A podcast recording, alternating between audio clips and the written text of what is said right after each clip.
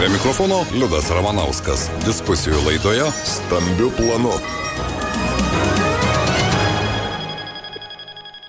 Studijoje prie mikrofono Liudas Ramanauskas ir pasaraisiais metais Lietuvoje išbrangus būstų ir toliau brangstant skolinimuisi, rasti stogą virš galvos tampa vis sunkiau įgyvendinama užduotis. Mūsų kolegos pasižvalgė, kokį būstą galima įsigyti Lietuvoje už mažiau nei 10 tūkstančių eurų. Atrodo nerealu, ar iš ties nerealu ir ar yra tokia būsto pasiūla pietų Lietuvoje ir Lietuvoje. Kalbame su nekilnojamo turto agentūros Miroda ir agentūrų pietų Lietuvoje asociacijos vadovė Rima Mitkienė. Labadiena, gerbima Rima. Labadiena. Na štai šiandien su jumis ir pabandysime panagrinėti šią problemą. Iš tikrųjų, įsigyti būstą ypatingai jaunesnėms šeimoms yra sudėtinga, bet skelbimų portaluose galima rasti, jog kažkokį būstą galima įsigyti Lietuvoje už mažiau nei 10 tūkstančių eurų. Tai ar tokios kainos iš tikrųjų yra ir kur parduodami tokie būstai ir svarbiausia, kokiegi tie būstai? Na, iš tiesų aš pradėsiu nuo frazės gera turėti namus. Ir turbūt kiekvienas mes e, renkamės namus pagal savo kišenę ir pagal savo galimybės. Tai vieni norim vilos, kiti ir tokias galimybės galbūt turim, kiti kieno galimybės menkesnės ar galų gale pirmai gyvenimo pradžiai, pirmam būstui renkamės tą, kas yra pigiausios pasiūloje. Tai e, gerbiamas liūdai apie tas kainas, kurias jūs įvardijot ir kokia yra pasiūla Lietuvoje iki 10 tūkstančių eurų tai turbūt vienareikšmiškai kalbėtume apie koridoriniai sistemoje esančius bendrabučių kambarius. Taip. Na ir skirtinais atvejais galbūt dar įmanoma rasti pagerinto tipo bendrabučio blokelėje vieną kambarį su bendru sanmazgu. O šiaip iš, iš pagrindų, jeigu tai yra 4, 5, 6 tūkstančiai eurų, tai yra kambarys 18 kvadratinių metrų koridorinėje sistemoje su bendra virtuve ir su bendrais sonmazgais, dušais ir taip toliau. Tai iš tikrųjų nėra pats geriausias variantas, sakykime, kadangi koridoriui daug būtų, daug gyvenančių asmenų, galbūt ir pats kontingentas, patys pirkėjai nėra tie, na, sakykime, Išskyrus tuos, kurie perka pirmą būstą, kad turėti stogą virš galvos, bet didesnė dalis turbūt praradusi galbūt kažkada tai didesnės vertės būstą arba iškeitus, arba išmainius ir, na, yra socialių asmenų pasitaiko. Tai nėra ta, sakykime, pastogiai ypatingai gera, bet, na, Taip. turėti namus gerą ir kokie jie bebūtų. Ir kiekvienas mes turim juos skirtingus. Tai va, tas kontingentas ir tokie tie namai Alytaus mieste iki 10 tūkstančių. Suprantu, ir pagrindė, ko gero, čia Dainavos mikrorajone, taip vadinamoje Vilties nevilties gatvėje, ar nesantis bendrabučiai? Bendrabučiai yra Vilties gatvė, yra Žiburio 12, yra, jeigu jau kalbėsim apie pagerinto tipo ir apie blokelį kažkokį, yra Kalniškės, yra Naujoje 86, yra Putinų 30-32 kur bet iki 10 tūkstančių tai jau nebūtų pilnas blokas 34 kvadratų arba 36 kvadratų, tai būtų kambarys pačiam blokelį ir sanmazgas būtų vis tiek bendras. Taip, čia apie 18 tai, kvadratinių metrų maždaug ten gaunasi, ar ne? Taip, taip daugelis, tai štai ir mes peržvelgėme, tai taip, 18 kvadratinių metrų būtas bendrabutė, Lietuvoje, Vingio gatvėje, kitas būtas Naujoje gatvėje, taip pat 18 kvadratinių metrų, na ir panašiai, štai 25 kvadratinių Vilties gatvėje, čia jau apie 10 tūkstančių eurų. Na, ar Rima yra žmonių, kurie vis dėlto, kaip jūs sakote, gera turėti namus, bent jau pirmajam tam atveju, kad kažkur reikia prisiglausti, vis dėlto dairosi ir tokio būsto. Turbūt yra išimčių iš taisyklės, galbūt kaip aš ir pačioj pradžioje minėjau, kad tai gali būti pirmas būstas asmeniui, kuris tikrai turi mažas pajamas ir, ir ar išsimokėjimui kažkas parduoda, ar negali bankė paimti, arba gali mažą sumą, nes čia su vartotojiška paskola gali įsigyti tokį būstą, net neturėdamas pinigų pasijėmęs vartotojišką paskolą, e, turėdamas darbą gali įsigyti, na, stogą virš galvos bet liūdniau turbūt yra tas, kad nemaža dalis ten gyvenančių yra vis tik tai tie, kurie kažkada, kaip ir minėjau, turėjo geresnį tą būstą ir toks paskutinė stotelė iškeičiant, išmainant, na, tėvų kokį turėjo tą būtą, prasiskolinus, aukcionę pardavus, iš varžytinių paėmus greituosius kreditus. Ir tai yra paskutinė stotelė tokia, kur dar gali turėti stogą virš galvos, tai dėl to, nu, kontingentas nėra ypatingai, sakykime, geras, bet namai yra namai ir tokie namai yra namai ten, kur žmogus gyvena ir ten, kur širdis yra žmonių, kur ir šeimas augina, ir vaikus augina. Ir, na, gyvenimas sudėlioja taip, kad jiems susideda tik tai, nu, tokia galimybė, sakykime, turėti tokius namus. Yra. Taip, o jeigu mes kalbėtume šiek tiek apie brangesnį būstą, ten vieno kambario būtą, galbūt ne bendrabutė, o štai jau daugiabutėme viename ar kitame gyvename miesto kvartale, nuo kokių uh, kainų ten jau prasideda pasiūlymai ir e, ieškomi pirkėjai? Na, iš tiesų vieno kambario būstas yra labai paklausus ir dviejų kambarių irgi galėčiau sakyti paklausus ir jeigu lygint kvadratinio metro kainą vieno, dviejų kambarių arba trijų, keturių, tai jos tikrai kardinaliai skiriasi, nes e, skiriasi ir kategorijos pirkėjų.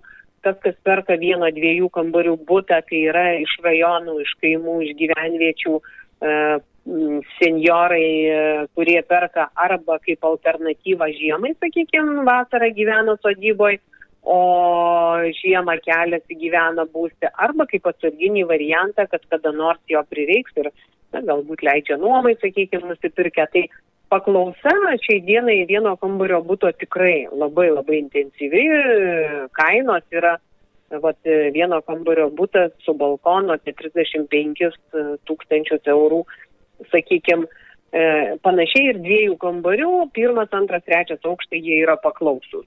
Jeigu žiūrės didesnio būsto ploto, ploto 3-4 kambarių būtus, tai visada pagyvėja pirkimas, tai yra dotacijos. Šiuo momentu dotacijos valstybei, dotacija tai yra jaunom šeimom, Taip.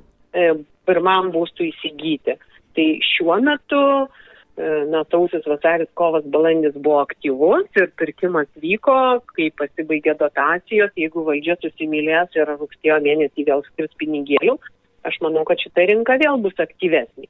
Taip, Rima, jūs ne vieną kartą mūsų pokalbiuose minėjote, kad būtent ši dotacija skirta jaunom šeimom pirmajam būstui įsigyti, štai regionuose ir buvo tas, na, galima sakyti, įrankis, kuris ir suaktyvindavo būsto rinką. Taip galima būtų pasakyti, ar ne? Ir štai ir jūs šiandien tik patvirtinote, jog pirmąjį ketvirtį, kai tos dotacijos dar buvo ir jauni žmonės, jaunos šeimos ieškojo būstų, tokių būtų paklausa buvo kur kas didesnė. Tikrai taip, tikrai taip. Sveikintina priemonė valstybė yra e, dotacija jaunai šeimai regionam, bet tikrai norėčiau pabrėžti regionam, ne Vilniaus rajonui, ne Klaipėdos rajonui ne Kauno rajonui, nes regioninė politika yra skirta visai Lietuvai. Tai dotacijos turėtų gauti tiek Rokiškis, tiek Utena, tiek Ukmergė, tiek Plungė ir visi kiti. Ir tada įsivyrautų tolygumas na, kaip sakykime, viena paprasčiausių priemonių, kurie Lietuvoje skatintų tą tolygumą. Ir jaunos šeimos, ypač dabar, kada po karantino nemaža dalis žmonių gali dirbti nuotoliu, išmokom dirbti nuotoliu, tai jie tikrai renkasi žalesnėm, gražesnėm mieste, kuria mažiau problemų parkavimo, infrastruktūros sutvarkytos, parkai ir visa kita. Tai jeigu ta priemonė būtų toliau plėtojama ir plečiama, aš manau, kad ir sostinė mažiau problemų turėtų ir regionai tikrai pajaustų tą jaunų šeimų na, grįžimą ir pagyvėjimą pačio gyvenimo regiono. Taip, ko, ko gero štai tokiems regioniniams miestams kaip Alitus, ne, ne tik Alitus, tikrai trūksta. Dar vienas klausimas, vis dėlto e, bendruomenė sensta ir tame pačiame Alitoje, kuriame yra virš pusės tūkstančio daugiabučių ir šeimos, kurios kažkada turėjo 3-4 kambarius, vaikai išvažinėjo, kas Lietuvoje, kas į užsienį išsikėlė, lieka seniorai dviese, o kai kur ir vienas, bet kiek suprantu, štai ta būsų būsto, didesnio būsto keitimo į mažesnį, tas procesas nelabai aktyviai vyksta. Žmonės vis dėlto laikosi įsitvėrę tą savo uh, turimą būtą, nesvarbu, kad už jį tenka ir brangiau gal kartais mokėti. Na iš tiesų, tai e, turbūt lietuviai mes esam labai konservatyvūs ir pakeisti tą gyvenamą vietą ir jaunesniam ir senesniam amžiui nėra taip paprasta. Gal jaunoji karta truputį lengviau neprisiriša prie to būsto ir aš puikiai suprantu senjorų, kad jie turėdami didesnį tą būstą 3-4 kambarių, na ir likę kartais ir vieni, arba bent jau dviese, jie neskuba to būsto keisti į mažesnį. E, ir, na, galbūt valstybė šiek tiek padeda su šildymo kompensacija, ir, bet žmogus prisiriša prie savo vietos, prie draugų, prie kaimynų, prie artimųjų, jam viskas artima, žinoma, kur priekybos centras, kur, kur sakykime, kiti dalykai ir tikrai keisti vat, iš didesnio į mažesnį tikrai nes. Ir dar vienas klausimas, vis dėlto kalbant e, konkrečiai, pavyzdžiui, apie Lietuvos miestą, kiekvienas gyvenamasis mikrorajonas turi savo aurą, taip vadinamą, ar ne, ir infrastruktūros prasme, vis dėlto patys patraukliausi mikrorajonai Lietuvoje, aš jau nekalbu apie privačių namų rajonus, bet šiandien kalbame apie būtus. Jūsų nuomonė vis tik tai e, daugiametė jūsų praktika gali pasufleruoti ir atsakymą, kokie miestai miesto mikrorajonai yra patys, na, patraukliausi? Aš gal žinokit, šiandieniniai rinkoje neįskirčiau kažkurio vieno iš mikrorajonų, kadangi kiekvienas mikrorajonas sulaukia savo pirkėjo. Visgiris sulaukia galbūt dėl erdvesnės virtuvės ir dėl naujesnio būsto, 95-92 statyba.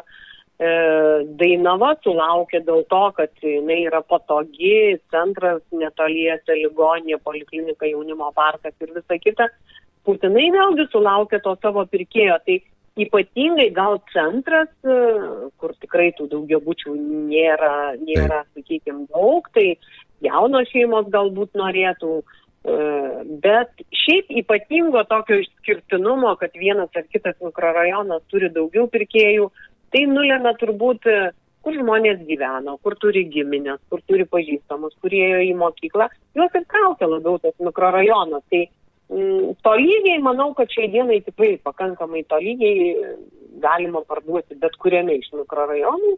Na, aš sakau, išskyrus tai, kad viena, vienas nori naujesnio, bet naujesnis vėlgi 95 metai jau ten gal irgi reikia apie vamzdynus pagalvoti, ne tik tam 65, Tai e, tolygumas, manau, kad mikrorajonų prasme tai tikrai tolygumas, išskyrus gal centrą. Mes pradėjome kalbėti apie būstus bendrabučiuose, kur ten kvadratinio metro kaina apie 400 eurų. Na ir jūs labai vaizdingai papasakojate, kokie tai yra būstai, 18 kvadratinių metrų koridorinė sistema, bet jeigu kalbėti apie tam tikrą perspektyvą, nekilnojamo turto vystytojai, na kol kas galbūt tokių didelių investicijų į mūsų miestą nėra, nors atsiranda ir kotedžinio tipo, ir daugiabučių namų namų, štai ir Kauno gatvėje, bet e, ar vis dėlto būstų, kurių kaina yra jau gal kvadratinio metro artesnė Vilniaus, Kauno, naujų, naujos statybos, aš turiu omeny būstų paklausa, jūsų nuomonė yra aktuali tokiam miestui kaip Alitus? Matot, jeigu žiūrėt aktualumo prasme, žmonės galbūt norėtų įsigyti